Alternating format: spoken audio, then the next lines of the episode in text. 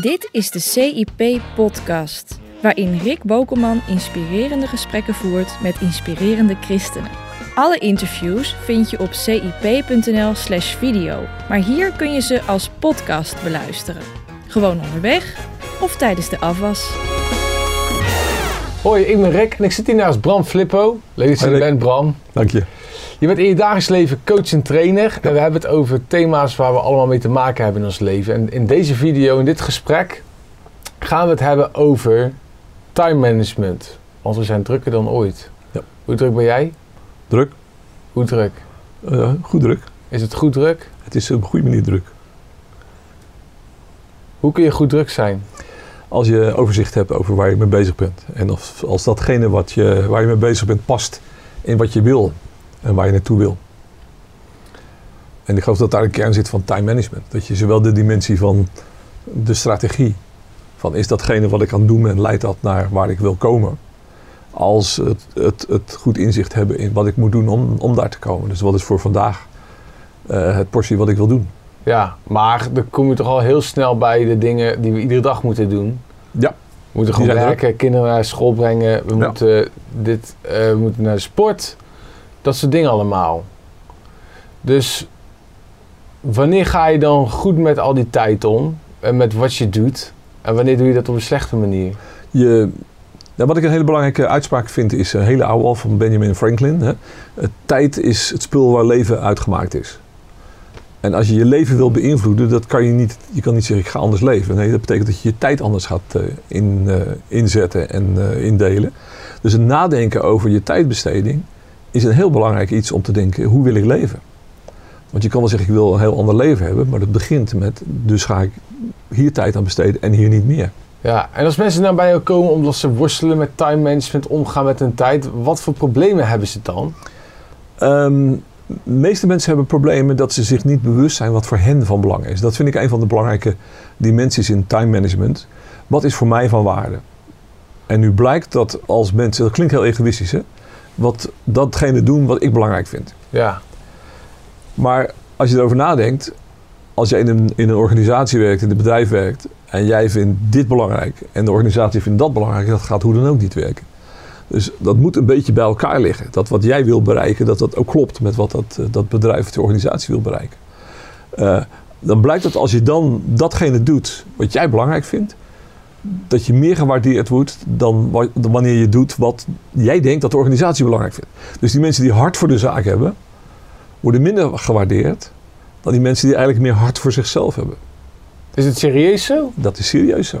Denk maar even heel simpel. Maar hoe eh, kan dat? Hoe werkt het op de werkvloer? Nou, ik je- een redacteur bij CIP. Die heeft meer hard voor zichzelf dan voor CIP. Hoe zou dat dan werken? Nou, bijvoorbeeld, er moet een vergadering gepland worden waar Ja. zes mensen bij nodig zijn.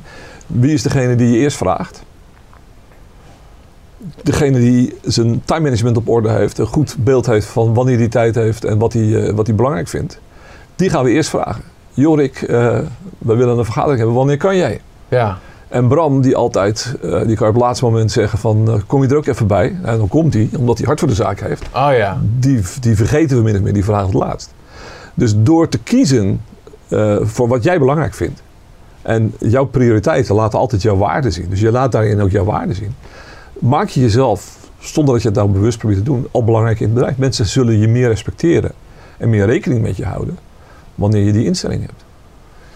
Maar zijn dat nou ook niet de mensen die vaak dan misschien bekend staan binnen een bedrijf als mensen die niet echt committed zijn aan de Dus ik zaak? denk het niet, want als jij resultaten levert en als jij bezig bent met die dingen die, eh, die, die kloppen met waar jij voor eh, bent aangenomen, en dat je je targets haalt, zeg maar, en die dingen doet, dan, dan ja. Ja, maar als jij dingen doet die jij belangrijk vindt en het zijn niet de dingen die de baas belangrijk vindt, Nou, dan dan heb zeg, ik, natuurlijk een probleem. dan zeg ik, dan, dan wil het bedrijf daar naartoe, jij wil daar naartoe en dan gaan we afscheid nemen, hoe dan ook. Ja, Maar als het ongeveer wel in dezelfde richting zit, en, maar dan ga je kiezen voor, nee, maar dit is wat ik nu wil doen.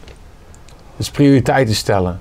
Het is prioriteit stellen. Het is ook vaak tijd voor jezelf nemen. Ja. Eh, denken over de toekomst is iets wat, eh, wat we op ieder moment zouden kunnen doen. En wat we dus ook heel makkelijk kunnen uitstellen. Ja. Dat is een van de dingen waar, waarvan ik merk dat op alle lagen in de organisatie eh, mensen mee worstelen. Dat ze dat niet doen. Dat ze geen tijd blokken Om eens na te denken van waar ben ik nou mee bezig en wat wil ik bereiken. En is datgene wat ik doe, gaat me dat brengen? Gaat dat ons brengen? Eh, waar ik naartoe wil? Ja, ik probeer het iedere zondag te doen. Heb ik een boekje en er staan Ja, eh, zeven dingen op Ja. die ik belangrijk vind en die ik wil doen of die, die gedaan moeten worden. Zeven dingen ongeveer. Dan zet ik iedere week een kruisje of een krulletje als het me gelukt is. Ja. Dat is mijn manier om die focus te hebben. Ja. Want dat brengt me bij een punt wat, wat ik moet delen met je, wat ook veel mensen denk ik ook kennen, is het gevoel dat je wel heel druk bent. Hè? Met allemaal niet onbelangrijke dingen, maar niet Ja. met de dingen waarvan je denkt, nou hier gaat mijn hart echt sneller van kloppen. Dit is waarvoor ik hier op de planeet ben. Ja. Hoe kun je daarmee omgaan?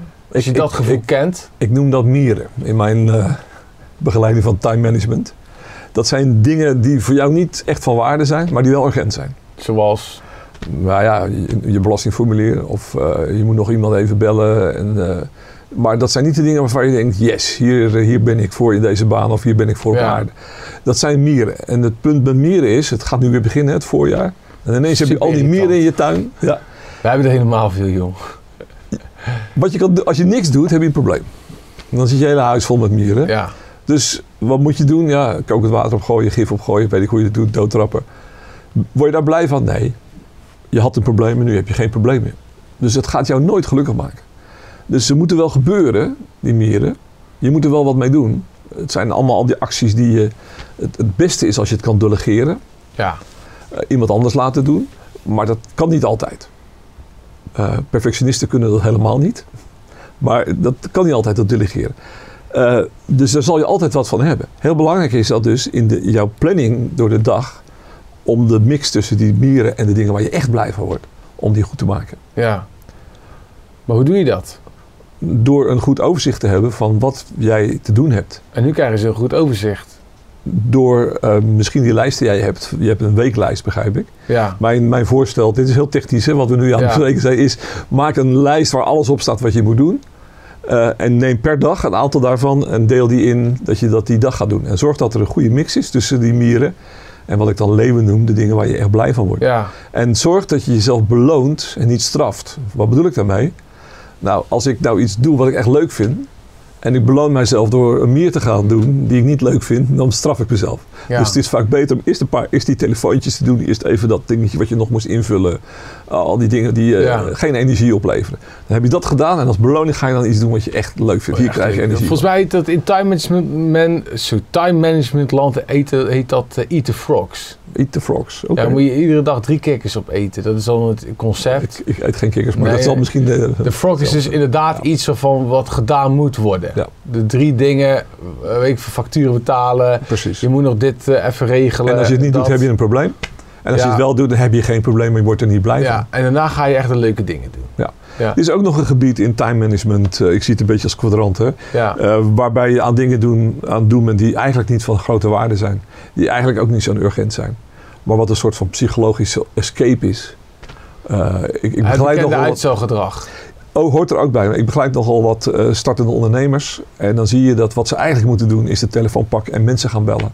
Of ze moeten eigenlijk een, een plan schrijven waarin ze gewoon knalhard worden geconfronteerd met wat wel en wat niet kan. Maar dan gaan we zitten googlen en dan vinden we, doen we market research. En dat kan, oh, ik heb zoveel interessante dingen gevonden. Maar ik heb niet echt gedaan wat me nou echt wat ging Het opleveren. leidt af, ja. Ik En dat is, het dat is een psychologische valkuil hoor, waar Ja. we allemaal in, in, in terechtkomen af en Ik toe. denk dat ook zo vaak denk, ja Rick, je moet, je moet gewoon dit doen of dat doen. Eh, maakt even niet uit. Eh, ik ben bezig met een moeilijke project, daar moet ik veel mensen voor bellen. En achterna gaan, maar dan ga ik toch, ik weet niet, andere dingen doen. En dan kom ik heel vaak achter, ja, in mijn, in mijn kopje kopje denk ik, ja Rick, dit doe je, dit is ook allemaal heel leuk en heel belangrijk ook wat je nu doet. Maar dit is eigenlijk gewoon een hele slimme manier voor jezelf om niet toe te komen aan dat wat je eigenlijk even bent wat moeilijker uitstellen vindt. wat je eigenlijk moet doen. Maar Hoe doorbreek je dat dan? maar de hele tijd is het wel in jouw hoofd. Hè? ja. Want jij bent voortdurend, zit er ergens in je hoofd, Rick, dit moet je nog doen. En hoe meer je het je uitstelt, hoe groter de angst wordt door inderdaad te kiezen en het wel te gaan doen. Ja, hoe doorbreek je dat? Door daar een keuze over te maken. En door, door beeld te hebben is, dit moet gebeuren. En die angst die erbij komt, hè, want nou ja, daar hebben we al eerder over gehad, bij heel veel dingen die wij doen, eh, komt de angst naar boven. Ja, maar dan ga ik bellen en dan?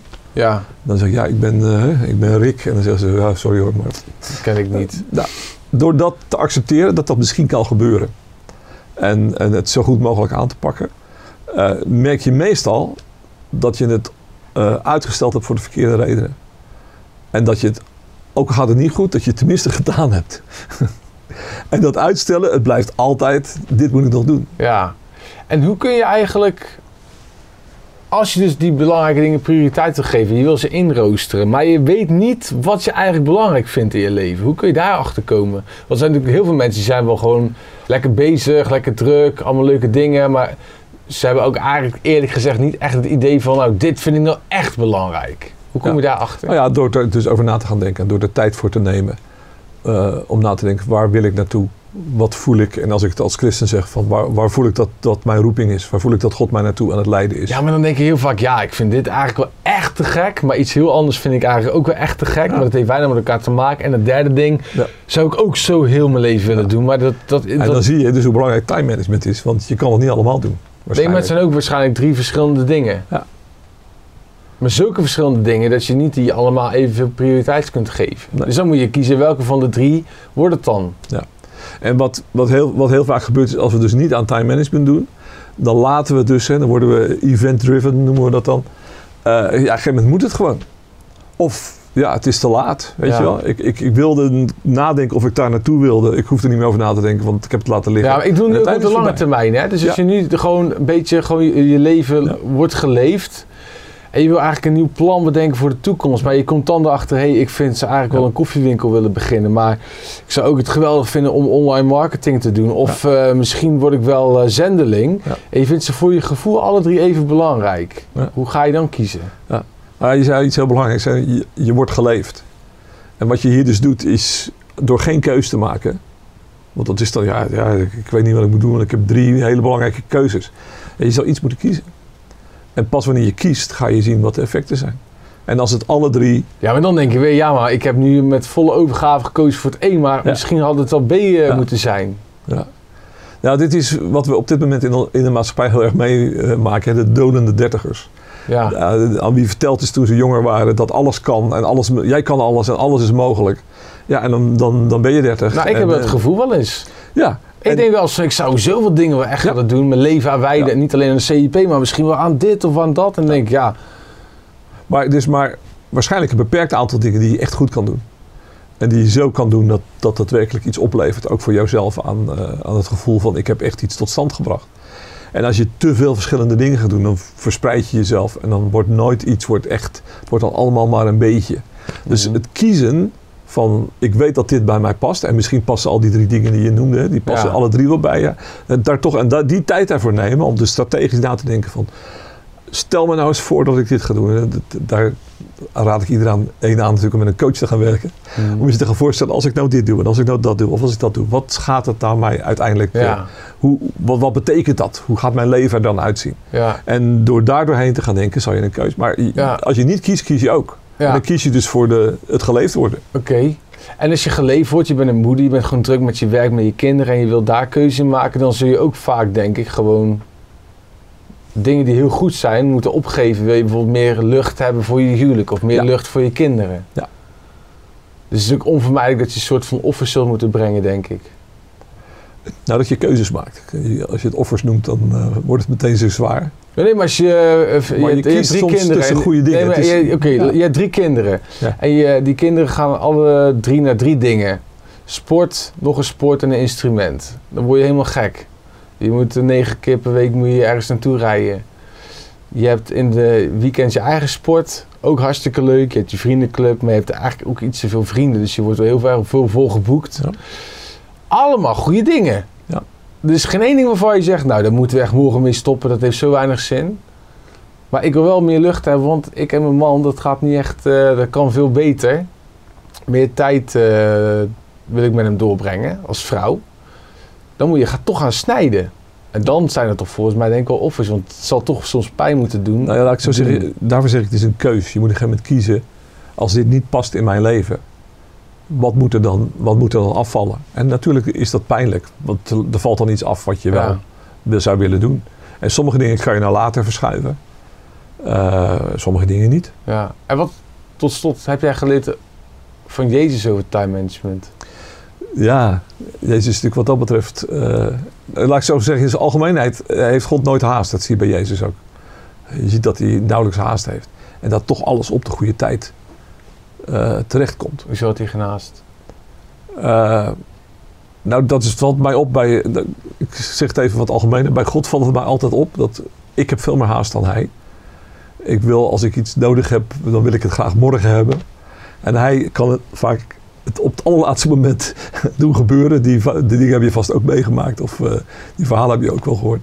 God is op tijd, maar heeft geen haast. En ook dat is een mooi principe in time management. En dat zie ik bij Jezus ook. Hij is gewoon heel erg bezig om te kiezen. Een heel mooi moment vind ik daarvan. Als die met de spijziging van de 5000. Waarbij ze alleen de mannen telden. De vrouwen die zaten er nog ineens bij. Nou kijk in de gemiddelde kerk, er zitten meer vrouwen dan mannen. Dus er waren veel meer dan 5000 mensen. En dan nog kinderen erbij. Hij spreekt, iedereen vindt het geweldig. En dan denk ik, want ik ben ook een prediker. Iedereen roept, we willen meer, we willen nog een preek hebben. Welke prediker is in staat om dan weg te lopen? En als je wegloopt, waar, wat is dan belangrijk genoeg om je... En hij zegt, nee, ik wil eh, tijd doorbrengen met mijn vader. Ik wil gaan bidden. Dat hoor je niet veel dominees zeggen. Dat hoor je niet veel predikers zeggen. Mij ook niet. Eh, nee, nee, ik wil even bidden. Dus ik Stel je voor, je bent bij opwekking aan het spreken. Ja. 13.000 man in die tent.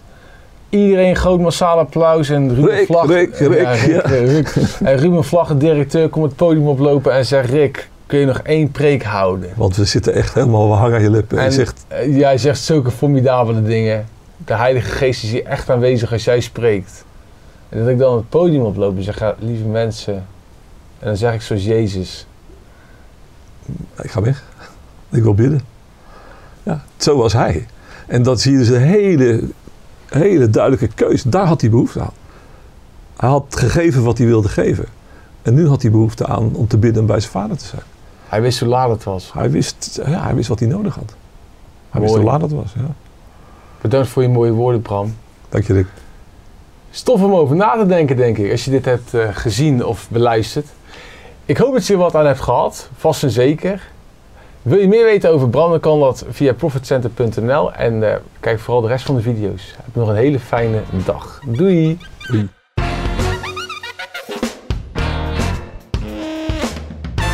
Je luisterde naar de CIP-podcast.